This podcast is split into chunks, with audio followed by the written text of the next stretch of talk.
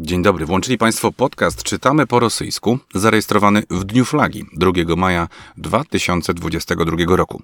Stali słuchacze to doskonale wiedzą, ale jeśli ktoś trafił do nas po raz pierwszy, to krótko e, o tym, czego się może po nas spodziewać. Otóż ja, Bartosz Gołąbek, e, wraz z Marcinem Strzyżewskim, co tydzień w poniedziałkowy wieczór prezentujemy i omawiamy po dwa materiały z rosyjskiej i często rosyjskojęzycznej prasy z minionego tygodnia.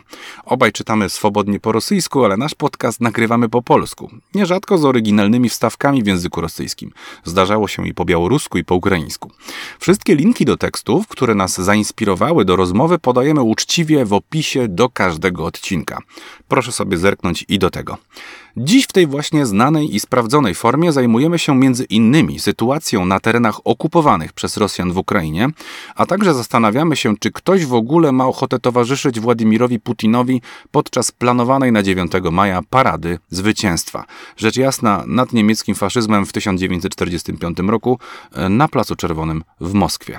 Drodzy słuchacze, jeśli podoba się Wam to, co robimy, to oceniajcie, komentujcie, stawiajcie gwiazdki, stawiajcie nam symboliczną kawę przez serwis Buy Buy Coffee 2, tak jak między innymi zrobili to ostatnio panowie Michał, Bartek i Wojtek. Dzięki panowie. Jest co słuchać także wstecznie, bo ten odcinek jest już 66. wydaniem naszego podcastu. Zapraszamy do słuchania. Bartosz Gołąbek i Marcin Strzyżewski, a Magda Paciorek, która odpowiada u nas za wstawki językowe, językoznawcze, jest na majówce. Pozdrawiamy. Rosyjski warto znać. Zaczynamy.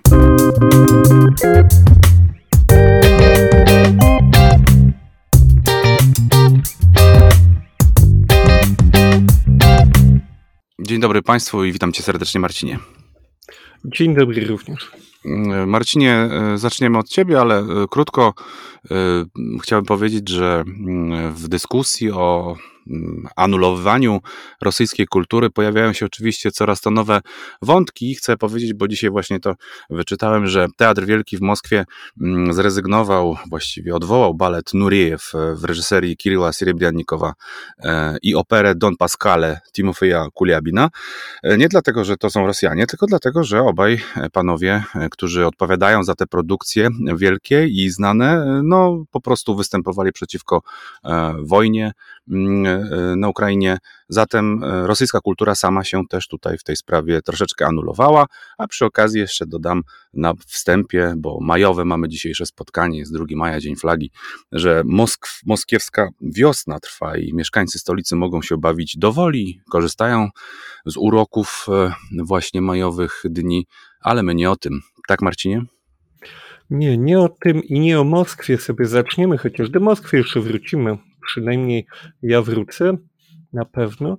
A chciałbym Państwa przenieść do Buriacji. Tutaj się pojawił na Meduzie przedrukowany mm, z lokalnych mediów reportaż o tym, co się dzieje w Ulan-Ude. To jest stolica Buriacji, ale nie tylko tam, także w mniejszych miejscowościach. A to, co się dzieje, to są seryjne pogrzeby mm, jakby to nie brzmiało, ale sytuacja jest y, bardzo trudna.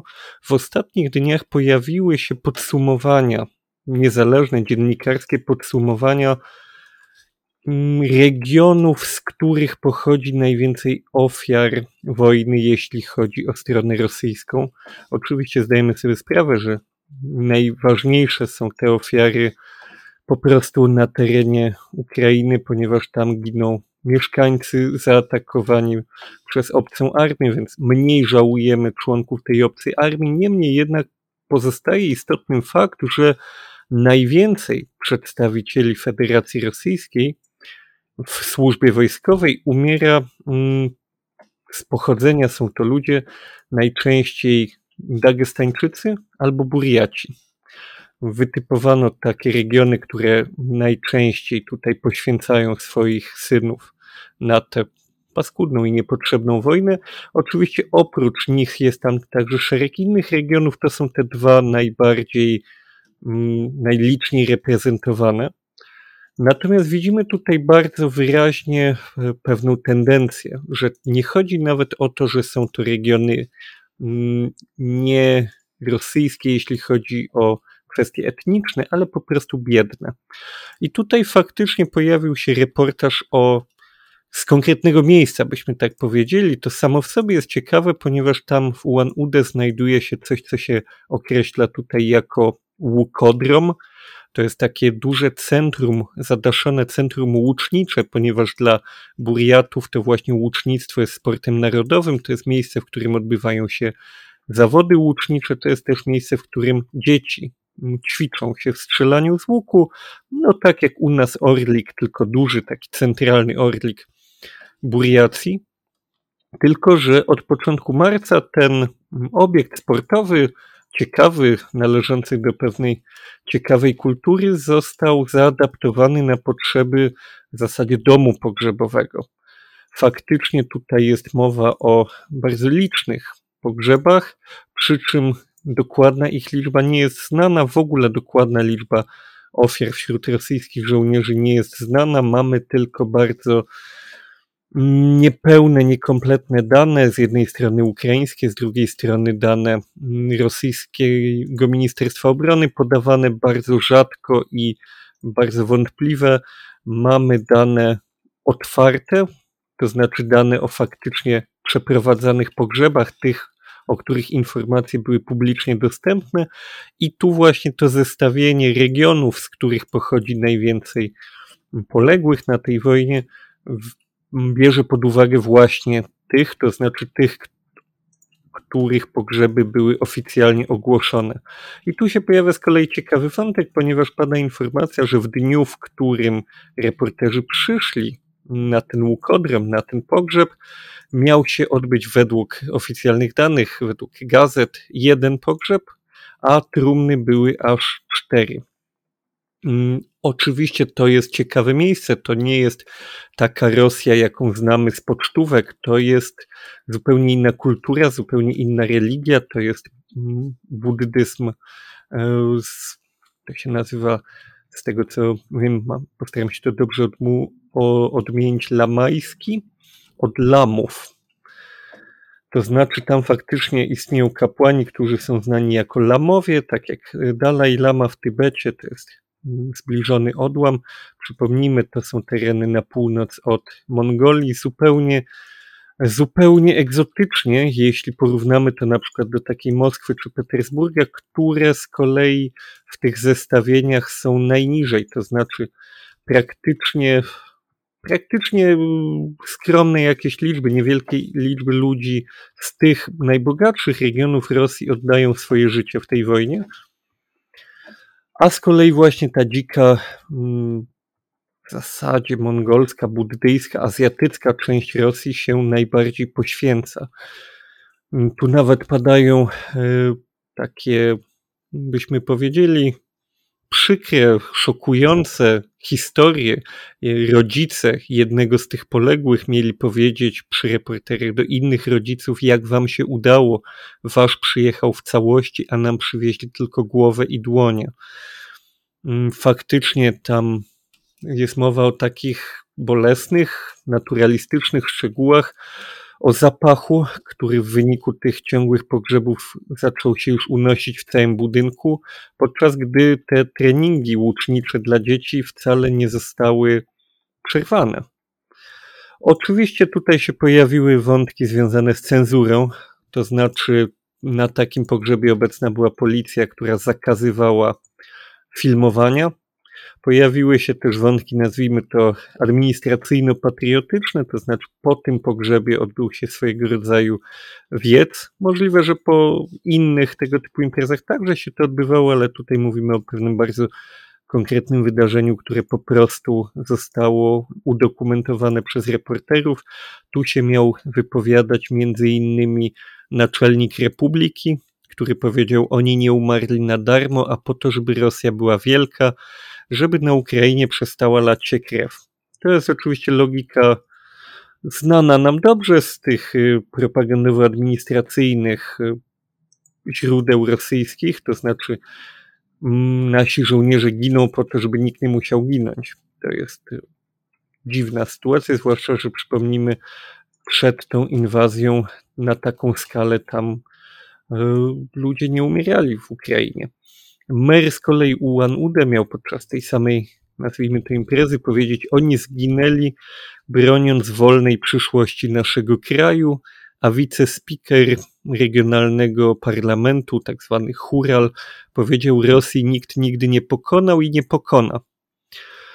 Z kolei, z kolei już mniej oficjalnie, już ludzie, którzy się zajmowali tam mm, tymi kwestiami organizacyjnie, pani urzędniczka miała najpierw reporterom zabraniać i pilnować ich, żeby nie robili zdjęć, zabraniać im fotografować, a w pewnym momencie, kiedy mm, widać poczuła się trochę bardziej przytłoczona, powiedziała tym ludziom, że oni sobie nawet nie zdają sprawy, jak wiele takich pogrzebów ona już odprawiła i nie może tego znieść, bo jej syn sam znajduje się w tej chwili właśnie w Ukrainie.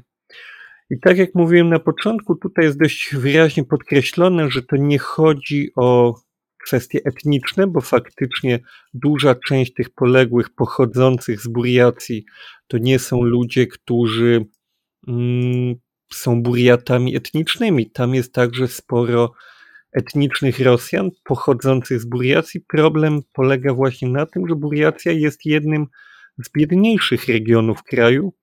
Na 85 subiektów federacji Buriacja miała być w niedawnym rankingu 81, jeśli chodzi o jakość życia. Problemem są oczywiście niskie wypłaty, problemem jest oczywiście niepewność tych zarobków, a oczywiście młodzi ludzie z rodzinami starają się zapewnić lepsze życie tym rodzinom, więc przyjmują ofertę swego rodzaju społecznego awansu, mm, ulgowej hipoteki mm, w miarę dobrej jak na tamte standardy, oczywiście mm, w miarę dobrej wypłaty i po prostu podpisują te kontrakty wojskowe i jadą, jadą walczyć. I co za tym idzie, umierają. Tutaj, jeśli chodzi o skalę tego zjawiska, to też warto powiedzieć to, co ci mm, reporterzy usłyszeli od grabarzy. Oni usłyszeli, że tam na tym cmentarzu w Łanudę to nie są wszystkie śmierci w Buriacji, ale na tym konkretnym cmentarzu on mówi, że chowają dwie, trzy osoby dziennie. Tu schodzi stricte o wojskowych i że to jeszcze nie jest tak przerażająca skala jak w przypadku pandemii, kiedy chowali tych ludzi dziennie po 15 osób.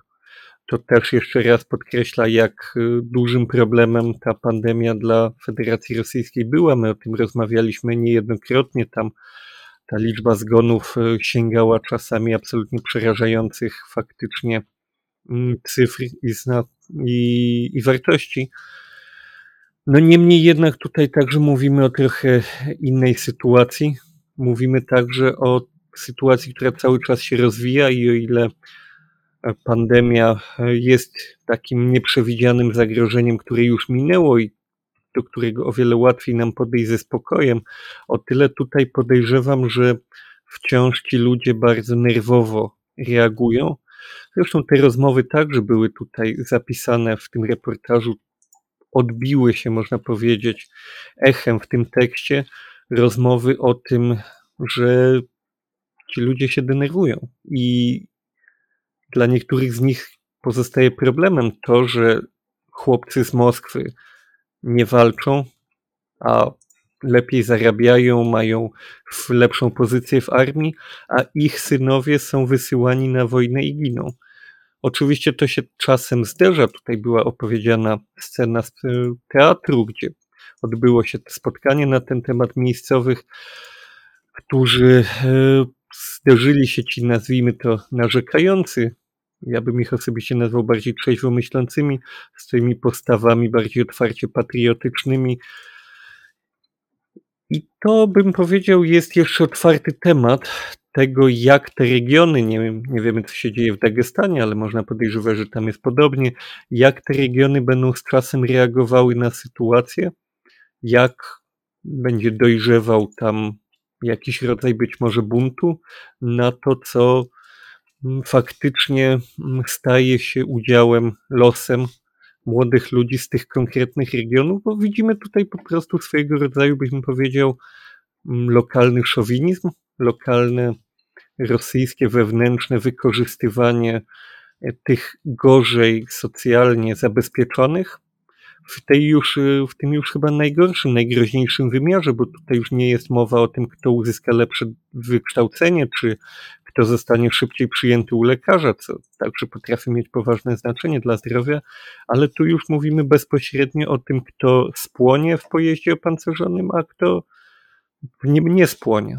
Rzeczywiście tutaj chodzi e, o wiele rzeczy. Mm, jeśli byśmy popatrzyli na te statystyczne, oficjalne komunikaty odnośnie mm, ofiar e, wojny po stronie rosyjskiej, przypomnijmy Państwu, że 2 marca Ministerstwo Obrony Federacji Rosyjskiej podawało po raz pierwszy o mm, śmierci blisko 500 e, osób, 500 żołnierzy, to jest 498, a 25 marca komunikat ogłosił liczbę ofiar na poziomie 1351 osób, y, żołnierzy oczywiście, mówimy o rosyjskich ofiarach, o oficjalnych danych, raz jeszcze to przypomnijmy. Y, ukraińska strona twierdzi, mm, że to jest oczywiście dalece nieprawdziwa informacja, zresztą zwróćmy uwagę też, ona bardzo dawno nie była aktualizowana, oficjalnie w Rosji przynajmniej. Ukraińcy twierdzą, że ta cyfra y, ofiar po stronie rosyjskiej może sięgać około nawet 20 tysięcy osób. Nie wiemy tego z całą pewnością. Wiemy natomiast, jak dziennikarze rosyjscy różnych wydań, e, tak jak na przykład tutaj e, zacytowany przez Marcina Meduza, czy na przykład e, taki znany Państwu także, i my też często z niego korzystamy, Kawka z Reali i inne tego typu wydania, po prostu próbują ustalić y, nawet nie liczbę, ale po prostu kolejne ofiary, które mm, faktycznie jako ładunek 200 przybywają do swoich y, małych ojczyzn, y, robią to na podstawie, mm, to jest taki paradoks właśnie, komunikatów lokalnych władz. Przypomnijmy, że tak od samego początku nawet te wycieki informacji o ofiarach właśnie w ten sposób były ustalane przez rosyjskich dziennikarzy. Mało kto oficjalnie trapił się tym, żeby podawać dane e, poszczególnych żołnierzy i oficerów e, do wiadomości publicznej, ale lokalni mm, liderzy, takich nazwijmy, no spieszyli z kondolencjami, spieszyli z informacjami.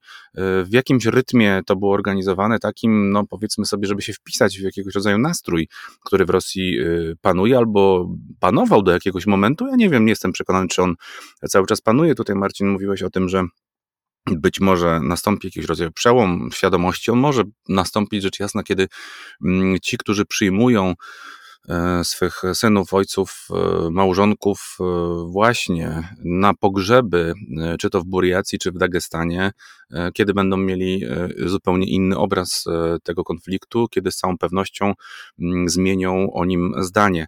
Na razie w dużej mierze rzeczywiście przygotowywani są do tego, że witają bohatersko walczących o eliminację nazizmu, nacjonalizmu w Ukrainie, faszyzmu. To się bardzo dobrze wpisuje w propagandowe, rzecz jasna, komunikaty, o których słyszymy od lat w Rosji. Zbliża nam się 9 maja, o którym jeszcze będziemy mówić przecież, więc to e, jakiś wspólny obrazek się w tej sprawie buduje.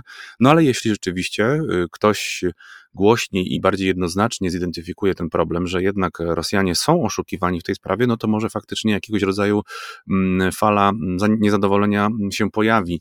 Ten materiał buriacki, on jest bardzo ciekawy, przygotowywany był też, e, o ile dobrze rozumiem, e, przy pomocy takiego zespołu dziennikarzy niezależnych, e, ludzi Bajkała. Bardzo serdecznie też Państwu polecamy ich e, różnego rodzaju prace. Meduza dała im po prostu przestrzeń i to jest bardzo dobre, jak się te małe redakcje, niezależne redakcje wspierają wzajemnie i możemy się coś więcej też dowiedzieć i w tym kontekście. Odwołam się też do Dagestanu, bo Marcin tutaj słusznie wspominałeś i te statystyki, o których których e, jest mowa, faktycznie też wskazują na tą Republikę e, Kaukaską. I mamy tutaj do czynienia niewątpliwie z pewnego rodzaju paradoksami, na które chciałbym Państwa uwagę zwrócić, bo z jednej strony mamy na pewno, to nie ulega najmniejszej wątpliwości, jakąś część um, Mieszkańców, nazwijmy to tak, europejskiej części Federacji Rosyjskiej, z bogatych rodzin, z dużych, bogatych miast, którzy niewątpliwie starają się uniknąć służby wojskowej, także za łapówki, nie ulega to najmniejszej wątpliwości, może się to tak odbywać. Nie ma dużo tego typu materiałów w prasie, ale jeśli się będą nam na oczy nasuwały, to zdecydowanie też będziemy Państwu je starali się przedstawić. Ale ja słyszałem i widziałem już takich kilka komunikatów, Telegram też o tym Mm, niektóre kanały o tym pisały, że taki, e, że taki rodzaj, no nie tyle protestu, co ucieczki przed wojskiem też jest za pieniądze mm, gdzieś realizowany, a z drugiej strony, jak w przypadku Dagestanu, o czym pisze na przykład Kawka z Reali, jest zupełnie odwrotna sytuacja, drodzy Państwo. Myślę, że i Buriacja mogłaby tutaj też pretendować do tego mm, środowiska, że płaci się łapówki za to, żeby być w armii, żeby dostać się do wojska, żeby e, młodzi ludzie, którzy w zasadzie, jak twierdzą eksperci, czy to regionaliści, właśnie ci, którzy zajmują się a to Kaukazem, a to mm, wschodem e, dalszym, e, mogliby stwierdzić taki, taki fakt, że po prostu nie z braku lepszego zajęcia, mm, stabilnego zajęcia, możemy to tak może lepiej określić, nie tyle lepszego, co po prostu stabilnego, e, bo każde zajęcie może być równie dobre. Po prostu chodzi tutaj o stabilność pewnego rodzaju, wyobrażenie o tym, kim się jest w trakcie i po, czy się coś zarabia w ogóle na tym, no to w przypadku Dagestanu nie ulega wątpliwości, akurat to, że tutaj e, bywa nieraz tak, że młodzi ludzie z różnego rodzaju mniejszych, szczególnie miejscowości, wiosek, wraz ze swoimi rodzinami starają się o to, żeby to miejsce w wojsku się dla nich znalazło, to po pierwsze. No i e, często, żeby takie miejsca wypełnić, trzeba parę mm, set, może nawet tysięcy rubli mm, pewnie na to wydać. To jest oczywiście specyficzna sytuacja, bo najpierw jest pryzywnik, później może być kontraktnikiem e, i decyduje o tych śmierciach, bo tutaj mm, tekst o Buriacji czy o Dagestanie, one w zasadzie na to wskazują, że to jest większość tych osób, które właśnie e, były identyfikowane i wiemy o nich na pewno, że wracają niestety jako ofiary tej wojny rosyjskiej przeciwko Ukrainie, więc e, statystyka robi swoje w tym kontekście oczywiście. Skoro jest ich statystycznie może ich być więcej na tej pierwszej linii frontu, no to faktycznie oni też mm, stanowią ten trzon niestety e, śmierci, który jest e, tutaj mm, faktycznie do Rosji mm, dociera w tej fali. Tutaj ja jeszcze dodając e, w odniesieniu do, do mm, Dagestanu chciałbym zwrócić uwagę, bo nie chciałbym już więcej może komentować, ale dopowiedzieć do tego tekstu w pewnej korespondencji z Meduzy, że Dagestan już zidentyfikował oficjalnie, tak, to już łatwo sprawdzić, więcej ofiar tej wojny z ukraińskiej niż w ciągu 10 lat oficjalnie podano liczbę ofiar wojny e, afgańskiej. E, Dagestańczyków e, już z całą pewnością ponad 120 mm, zginęło i to jest pewna, pewna cyfra, którą właśnie ustalają dziennikarze różnego rodzaju metodami i e, raz wraz z, także z e, organizacjami pozarządowymi, które jeszcze się gdzieś mieszczą na tym bardzo już zawężonym rynku rosyjskim, tych organizacji, NGO-sów, na przykład Komitet Matek Żołnierzy też tutaj pracuje w tej sprawie, żeby przynajmniej jakąś w miarę sensowną statystykę poprowadzić. Ostatnia rzecz w tej sprawie, którą chciałbym powiedzieć, ona będzie hipotetyczna zupełnie.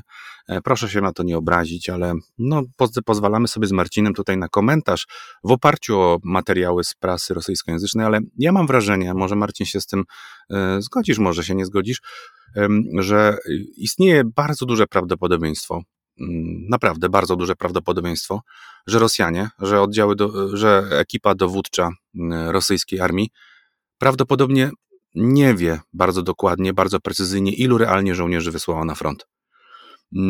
Jeśli, jeśli przyjąć jeszcze e, tą sytuację, kiedy zdecydowanie nie ma e, właśnie z ich strony reakcji a nie było na pewno na froncie kijowskim tej reakcji odbierania, czy też zabierania ze sobą, czy to ofiar postrzelonych, czy rannych, czy w ogóle rzeczywiście martwych, trupów, bo te, te zdjęcia e, widywaliśmy na różnego rodzaju źródłach i widujemy do teraz, to naprawdę istnieje bardzo wielkie prawdopodobieństwo, że e, jakaś część z tej masy ludzkiej y, to, są, to jest szara strefa zupełnie i prawdopodobnie nie dowiemy się, ile faktycznie, e, nigdy nie dowiemy się, historyczne zadanie, ile faktycznie, ilu faktycznie Rosjan ruszyło na Ukrainę w roku 2022. Tak, i to wynika, wydaje mi się, nie tylko z samego bałaganu, który jest rzeczą oczywistą, takiego ogólno, standardowo wojennego bałaganu, ale także na przykład z tego, że sama struktura tych sił zbrojnych jest dość skomplikowana, bo mamy tutaj do czynienia z armią, rozgwardią, e, kadyrowcami, oddziałami prywatnymi, prywatnej firmy wojskowej Wagnera.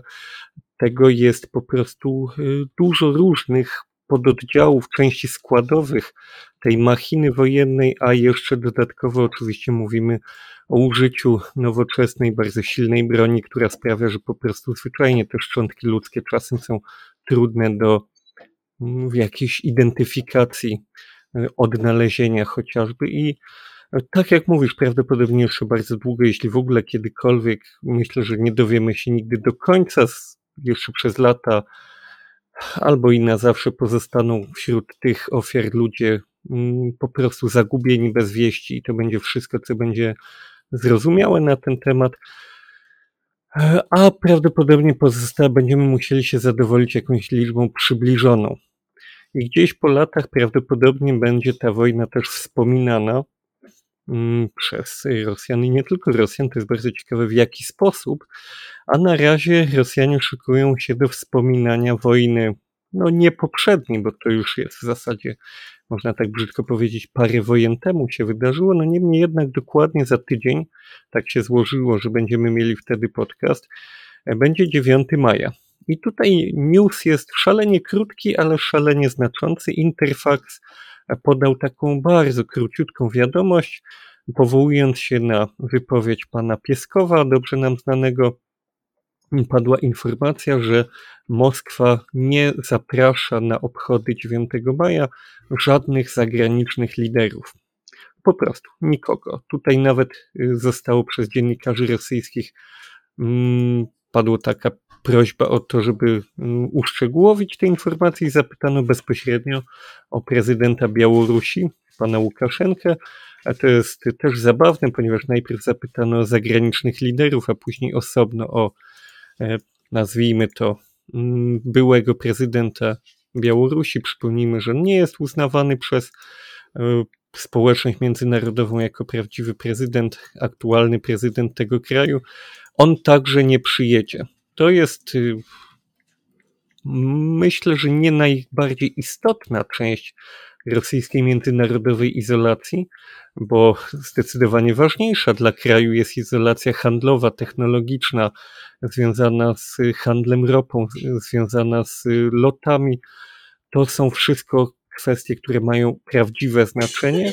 Niemniej jednak dla współczesnej dzisiejszej władzy rosyjskiej faktycznie ten wymiar symboliczny, właśnie ten mm, przy okazji 9 maja może mieć większe znaczenie. Faktycznie, jak tu już ostatnio wspominaliśmy, na te imprezy, tak ją brzydko określmy, zazwyczaj przyjeżdżał dość spory, a przynajmniej były takie lata, kiedy przyjeżdżał dość spory bukiet mm, zagranicznych dyplomatów, zagranicznych liderów.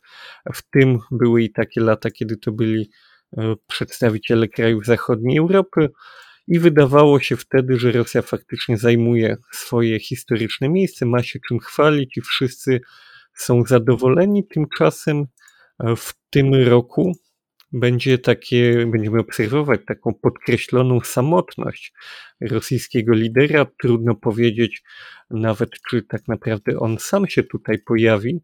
Pojawiają się pewne plotki o jego złym stanie zdrowia i zbliżającej się operacji.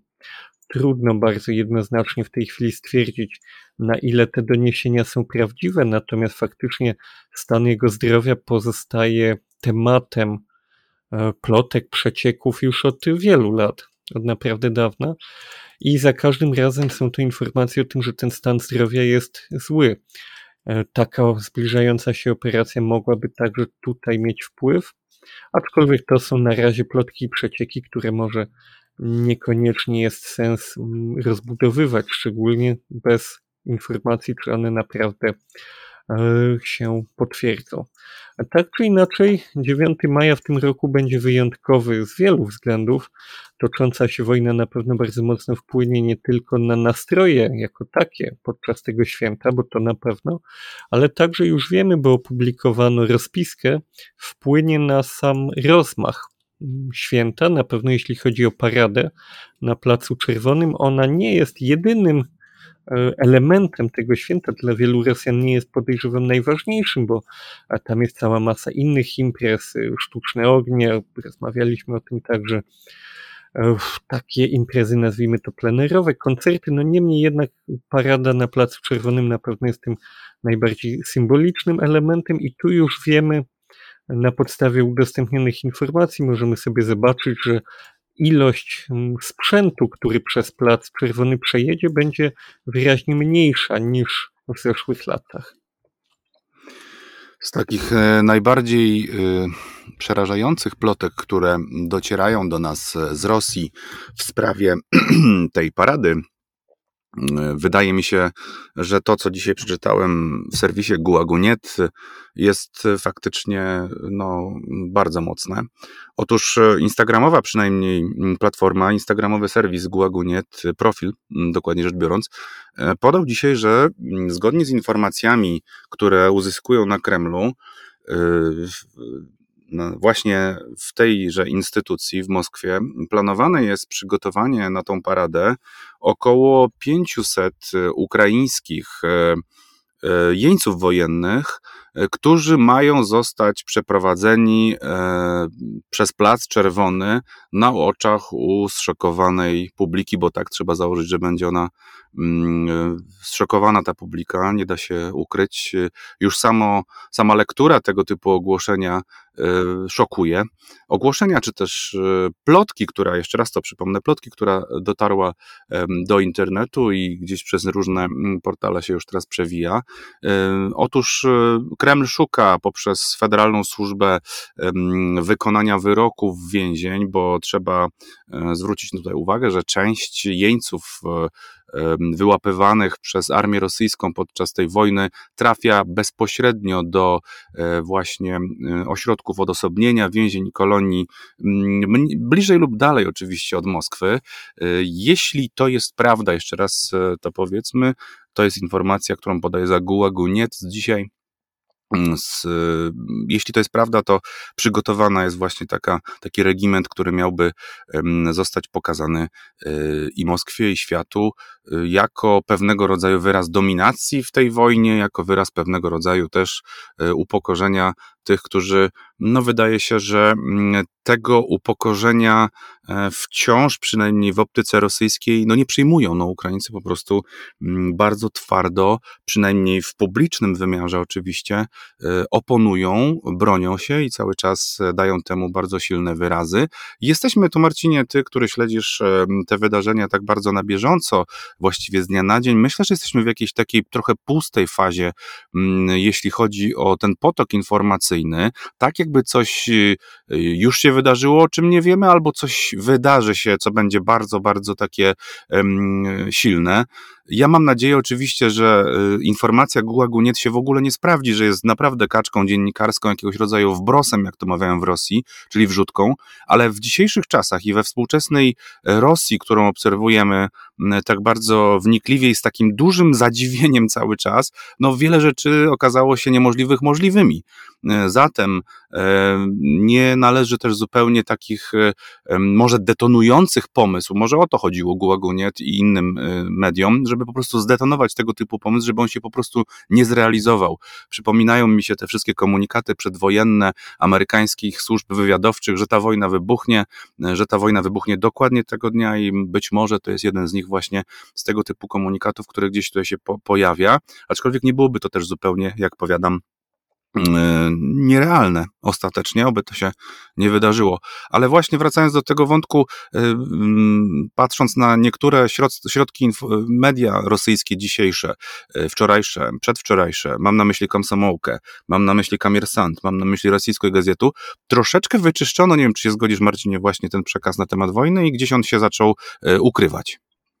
No faktycznie dzisiaj, jak sobie popatrzyłem na mm, jak trzy razy w tygodniu robię skrót wydarzeń z między innymi czytaniem komsomolskiej prawdy. To już jest taka tradycja na początek filmu.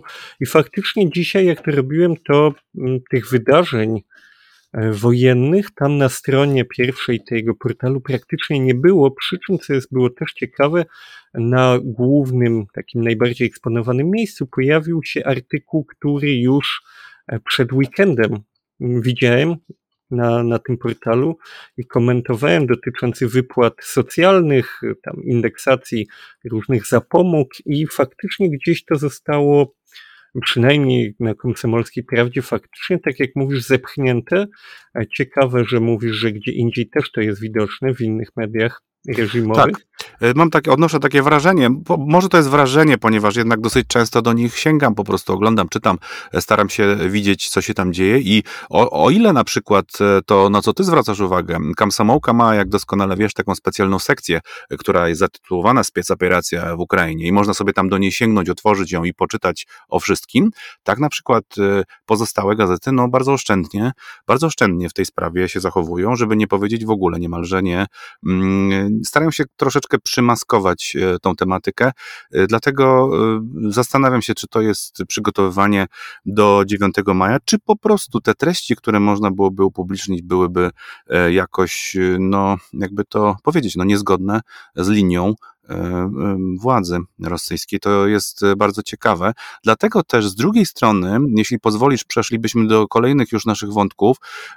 Chciałem mm, właśnie zwrócić Państwa uwagę też na to, co wyszukują e, dziennikarze niezależnych mediów, a co dotyczy terenów okupowanych e, ukraińskich przez Rosję, bo takie tereny nie da się ukryć, w jakiejś mierze przecież e, występują. Na ile ta okupacja jest trwała, na ile ona jest e, efektywna i e, na ile jest silna, to jeszcze oczywiście czas pokaże, ale już parę informacji, które udało się zebrać dziennikarzom sekcji rosyjskiej BBC, to jest Andrzej Zacharow, Anastasia Łotariewa i Olesia Gierasimienko, przygotowali oni taki obszerny dosyć tekst, no nie dosyć, on jest bardzo obszerny i wymagał niezwykłej na pewno pracy, on się ukazał 29 e, kwietnia na stronie e, ruskiej, ruskiej służby BBC.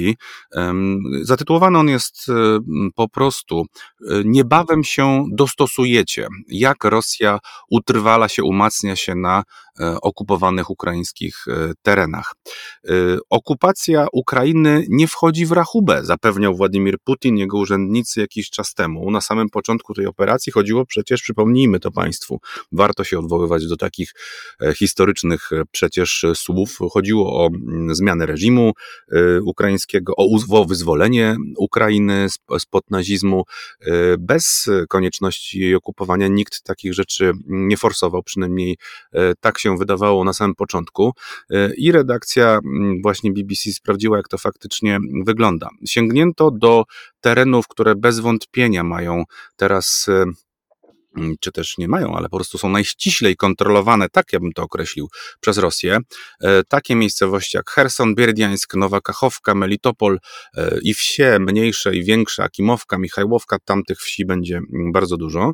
E, jak to jest prowadzone i co można się dowiedzieć w ogóle, mm, jeśli ktoś tam teraz oczywiście nie przebywa, a może mieć kontakt zapośredniczony z tymi mieszkańcami, którzy się nie ewakuowali stamtąd i którzy po prostu tam pozostają już teraz pod e, administracją, tak byśmy to mm, nazwali właśnie rosyjską. Otóż na tych zajętych e, terytoriach przede wszystkim zaczęły, e, przestały nadawać ukraińskie kanały telewizyjne i zostały tam wprowadzone, to jest techniczna zmiana, ale dosyć istotna przecież, jeśli byśmy przyjęli, a należy tak przyjmować, że także spora część społeczeństwa ukraińskiego, zwłaszcza starszego pokolenia, korzysta z telewizji jako głównego swojego medium informacyjnego, no to tak tu się właśnie wydaje wydarzyło.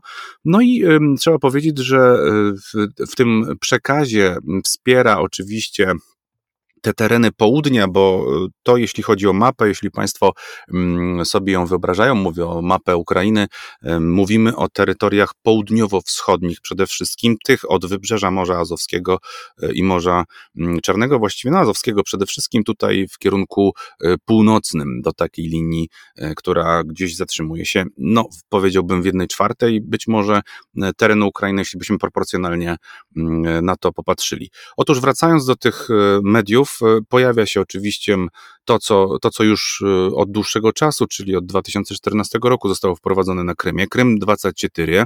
Na tej antenie zaś, czyli na antenie krymskiej telewizji, pojawiają się zupełnie nowe, e, jakby kanały, czy jakby rozszczepienia, tak to nazwijmy, Hersan 24, Zaporoże 24, chociaż to warto podkreślić, z tego co nam wiadomo i co ustalili też dziennikarze BBC, nie tylko BBC, nie całe Zaporoże jest zajęte przez Rosjan, nie jest kontrolowane przez Rosjan, jeszcze raz odwołam się do tego słowa, bo wydaje się ono w wielu miejscach raczej bardziej właściwe niż słowo okupacja sama w sobie. To jest Ważne zastrzeżenie moim zdaniem. Jeśli przyjąć, że są to rzetelne źródła, to znaczy te, o których powiedziałem, te nowe, te, które Rosjanie e, podają e, mieszkańcom e, okupowanych terytoriów, kontrolowanych terytoriów, no to czego się z nich dowiadujemy? Jaki wynika z nich obraz z rzeczywistości, o której się tutaj, mm, o którą się tutaj rozbijamy? Więc jakie też są słowa, których używają dziennikarze, reporterzy rosyjscy, bo trzeba o nich tak mówić, no Często są to rosyjscy mm, reporterzy, którzy już od jakiegoś czasu pracują dla tej telewizji krymskiej. Mówi się zatem tutaj o terenach wyzwolonych, oswobodzonych, a czasem pojawia się, z rzadka pojawia się informacja, e, w ogóle od kogo one są te terytoria oswobodzone i wyzwalane. Wtedy pada to mityczne słowo nacjonaliści i w zasadzie na tym się e, sprawa mm, kończy. Nie jest drążony wątek wyzwolenia jako takiego. Te relacje, które prezentują reporterzy tych e, telewizji lokalnych, które wprowadzają Rosjanie, mówią, e, czy też starają się mówić o spokojnym, pokojowym wręcz życiu mieszkańców, na przykład Bierdiańska, e, ale tak naprawdę, jeśli się przyjrzeć tym reportażom, ocenienie realne, jaki jest nastrój mieszkańców, no nie da się tego zrobić, no bo na przykład wypowiadają się z OFU, albo są to komentarze, które już reporter przekazuje, a nawet jedna z pytanych przez tą krymską reporterkę osób, pań, y, właściwie stoi plecami do kamery. Y, I z całą pewnością ustalono to bez żadnego wątpienia, że pozostali ludzie, którzy jednak udostępnili swój wizerunek dla tych materiałów, no to są ludzie związani e, bezpośrednio z tymi okupacyjnymi e, administracjami.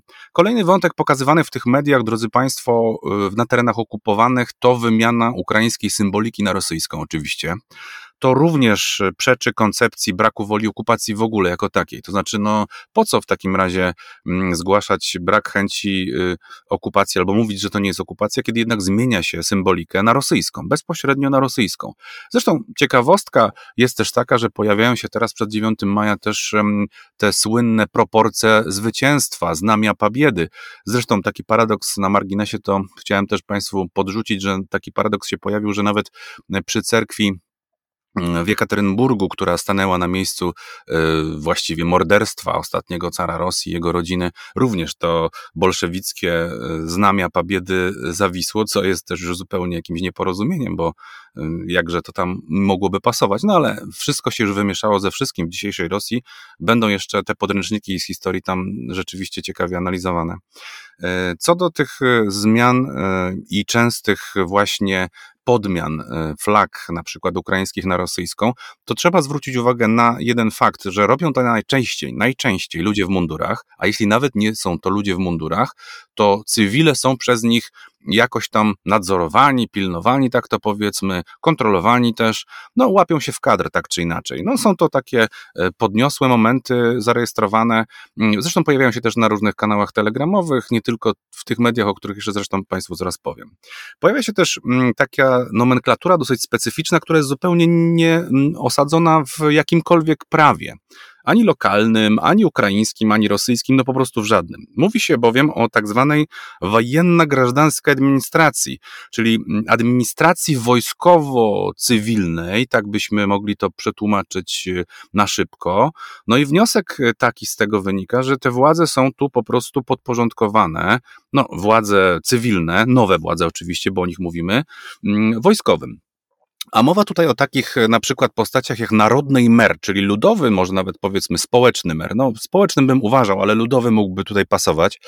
Czyli osoba, która zajęła się teraz w, kon w konkretnej miejscowości zarządzaniem, no właśnie wyzwolonego terytorium. Te osoby, i to jest też ważne zastrzeżenie, bardzo często nie zawsze, ale bardzo często są dobierane jednak z miejscowych polityków i z miejscowych postaci, mniej lub bardziej znanych publicznie.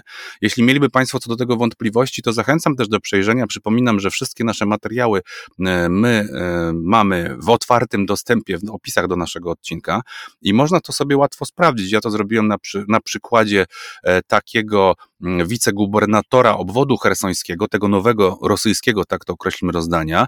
Nazywa się on Kirill I mało tego, oczywiście łatwo to zidentyfikować było, że był on do momentu natarcia i wejścia Rosji na te terytoria liderem, jednym z, liderem, jednym z liderów ukraińskiego ruchu antyszczepionkowego. To się bardzo często pokrywa jednak e, z tymi też e, doświadczeniami, które i tutaj w Polsce na różnego rodzaju forach i różnego rodzaju nośnikach informacji e, my odkrywamy.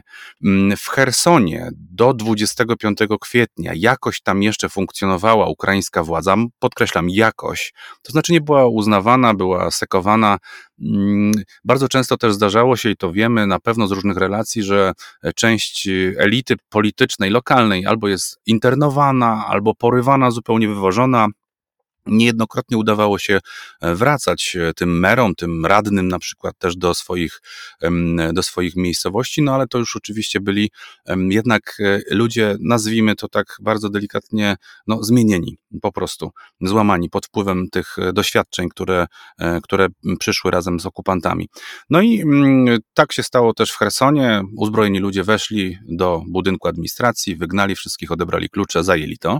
No i też ciekawostka, bo na przykład Mm, w Melitopolu okazuje się, że tą właśnie administrację taką jakby cywilną nowego rozdania, no sprawuje ktoś, kto nie zajmuje administracji tego budynku administracyjnego mm, faktycznego, który do tej pory był przez ukraińską władzę zajmowany, ale e, jego siedziba jest w Domu Kultury.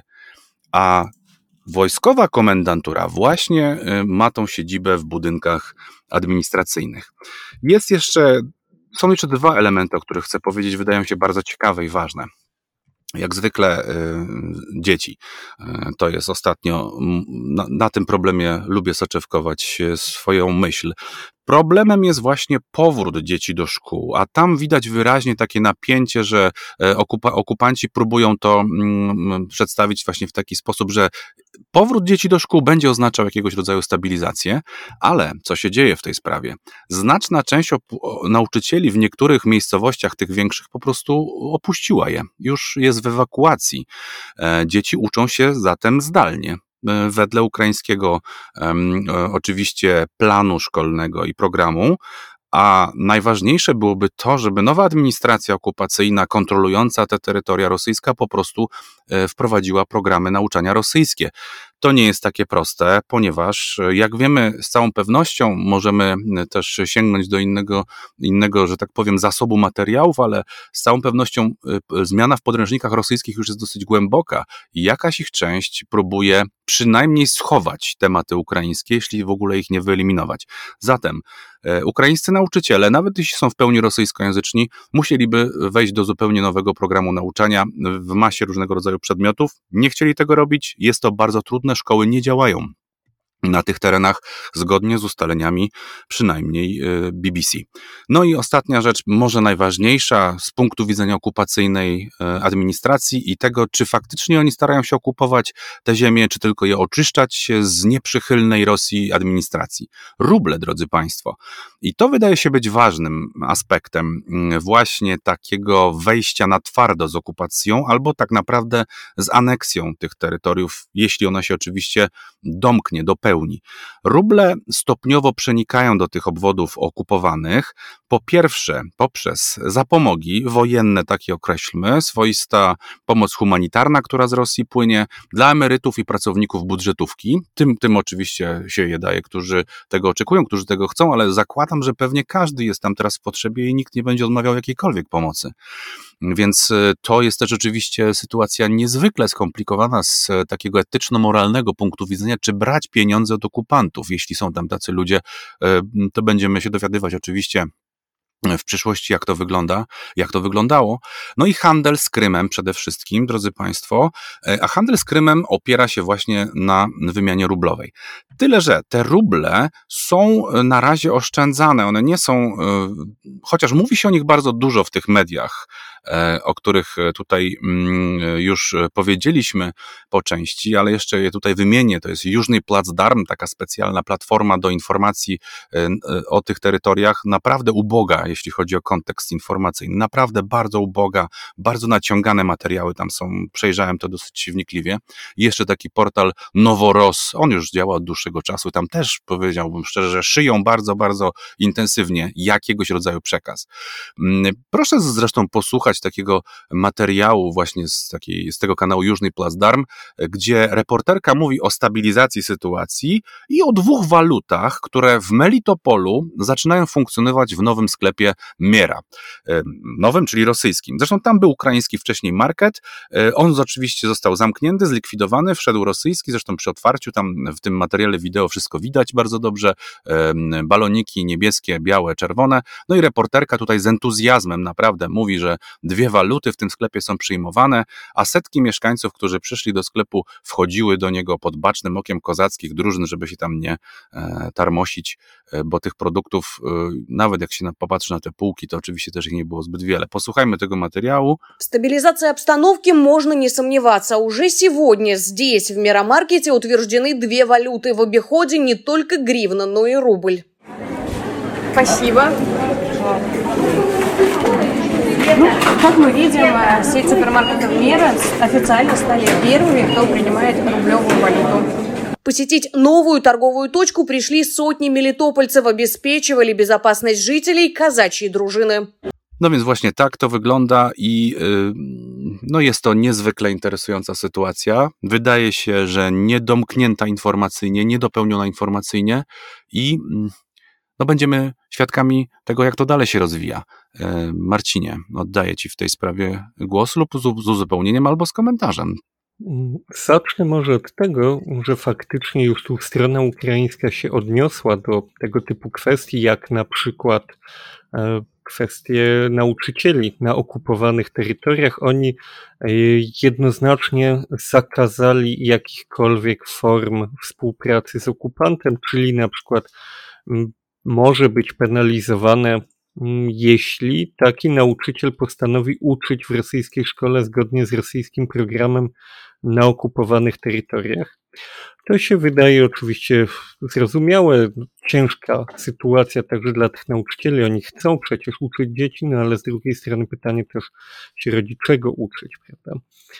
Niemniej jednak to wszystko, o czym mówisz, rodzi pytania dużo bardziej poważne, to znaczy, gdzie w tym wszystkim jest jakiś ostateczny cel, bo teoretycznie przynajmniej wydawać się powinno, że tego typu wysiłki wojenne powinny być związane z jakiegoś rodzaju faktycznie no, ostatecznym celem, z tym, że to do czegoś powinno, jak się wydaje, prowadzić.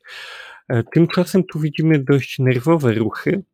Nie do końca jesteśmy w stanie to zrozumieć. W zeszłym miesiąc temu w zasadzie minął w miarę dokładnie od momentu, w którym ogłoszono bardzo oficjalnie, że natarcie przesuwa się z tego kierunku północnego na kierunek wschodni, że to uwolnienie, w cudzysłowie oczywiście uwolnienie Donbasu jest tą oficjalną główną, oficjalnym głównym celem Federacji Rosyjskiej. Teraz z kolei komentatorzy, mm, ludzie, którzy są bliscy tym wydarzeniom, tak nazwijmy to od strony wywiadowczej i militarnej, mówią, że pojawiają się tu nowe wątki, i te nowe wątki są takie, że Rosjanie dostrzegają problemy, poważne problemy z osiągnięciem celów na wschodzie i pojawia się takie przypuszczenie, że nowym celem może być zajęcie, odbicie reszty okręgu hersońskiego.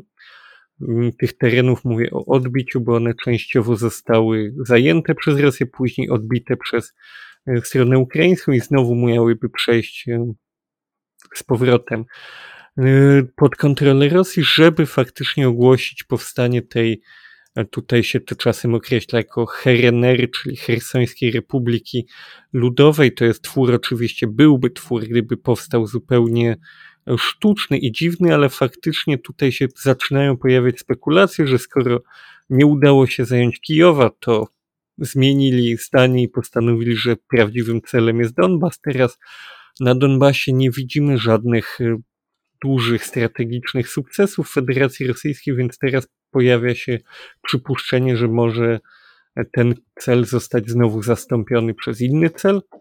Naprawdę trudno jednoznacznie stwierdzić, jak to będzie faktycznie wyglądało.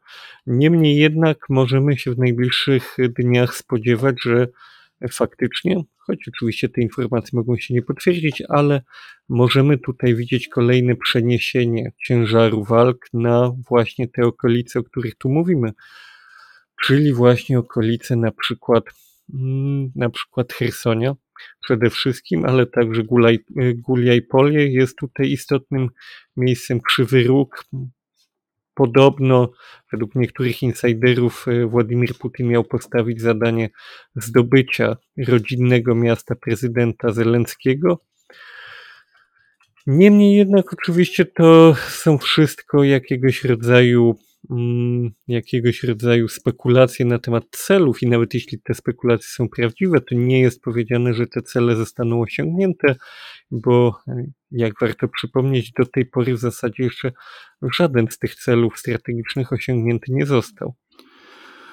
O ile w ogóle jakieś cele strategiczne mm, są, czy też e, są po prostu e, realizowane, nie tyle realizowane, co po prostu wymyślane na poczekaniu, y, dostrajane do bieżącej sytuacji na froncie.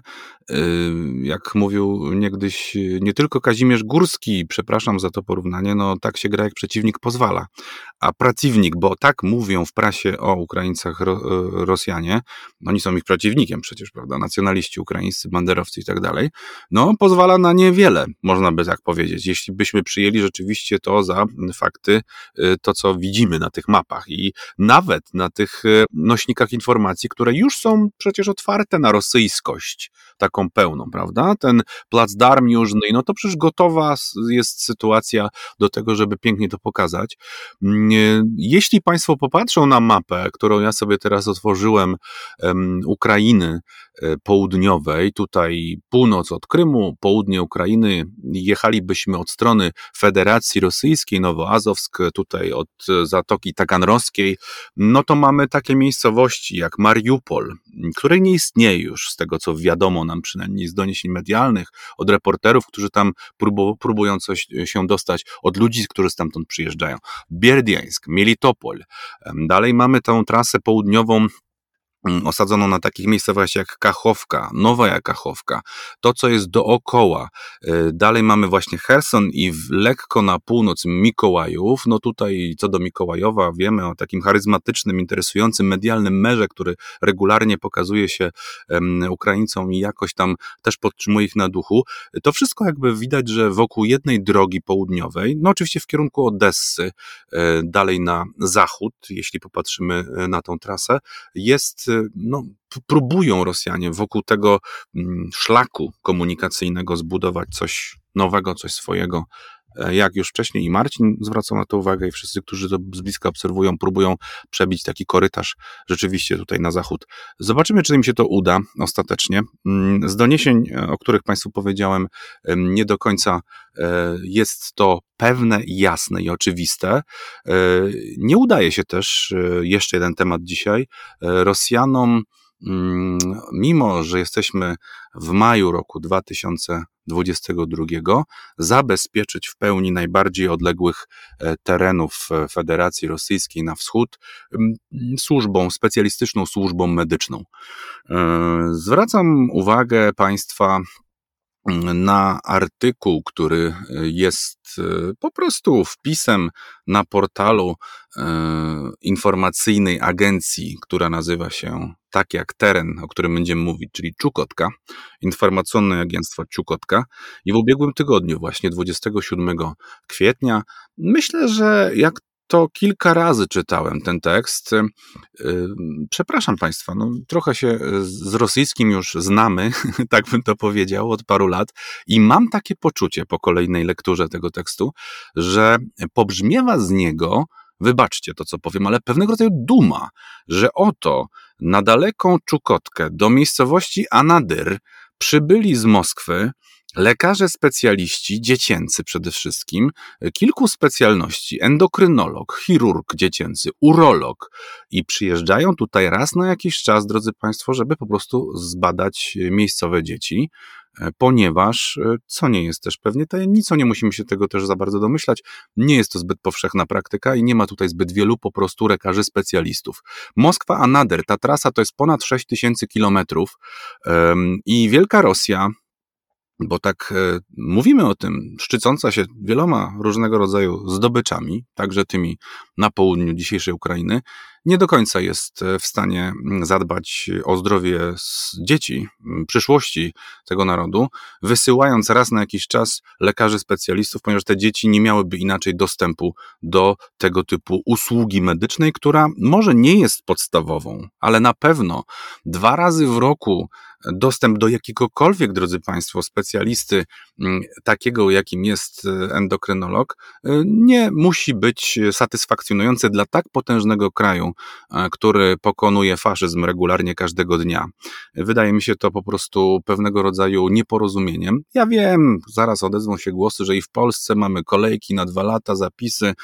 Raz jeszcze przypomnę, drodzy Państwo, tak, mamy tak, dobrze, ale nie prowadzimy wojny przeciwko Ukrainie, tfu, tfu, e, i nie e, uważamy nigdzie, przynajmniej to środowisko, w którym ja się obracam, że jesteśmy w stanie zaoferować sobie coś więcej niż potrafimy.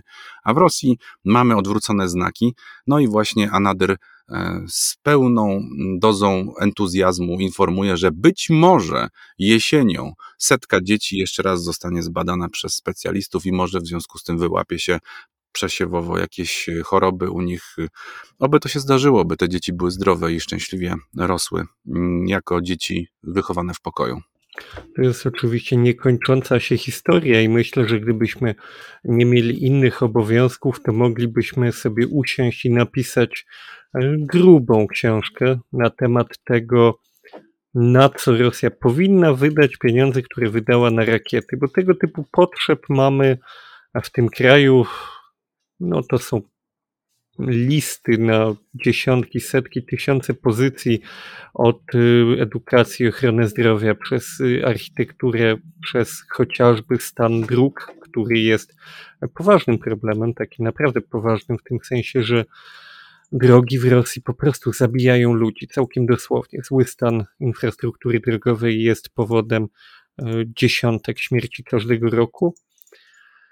A w tym konkretnym przypadku oczywiście mówimy o dalekiej północy, tutaj jeszcze dalekim wschodzie i dalekiej północy i tu obiektywnie zupełnie można by powiedzieć, że zapewnienie tak odległym od cywilizacji regionom jakiegoś rodzaju mm, infrastruktury opieki jest no, po prostu trudne. Dla każdego kraju byłoby trudne.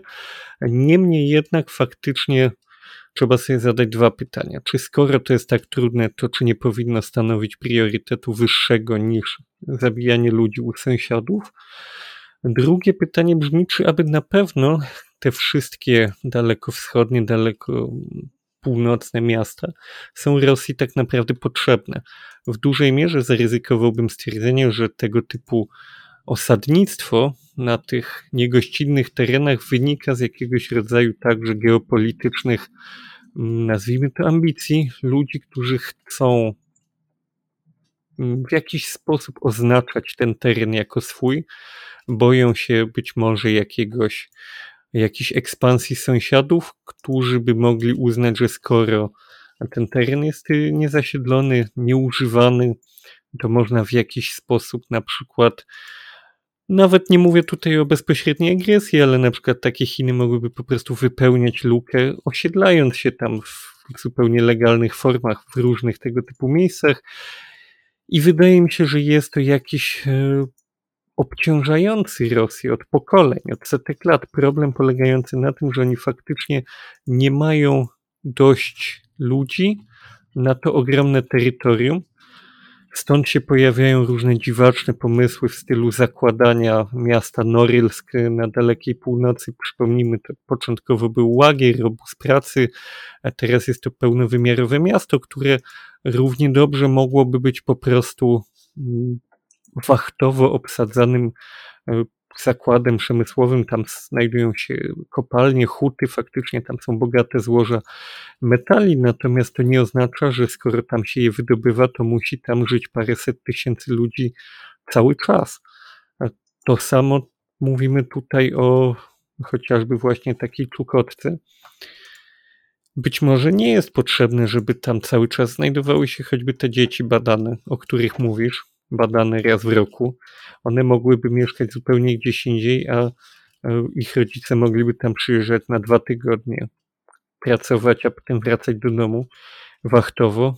I wydaje mi się, że to jest kolejny przykład, który w takiej, jak to mówi czasem, Nawalny, cudownej Rosji przyszłości e, powinien zostać na nowo przemyślany.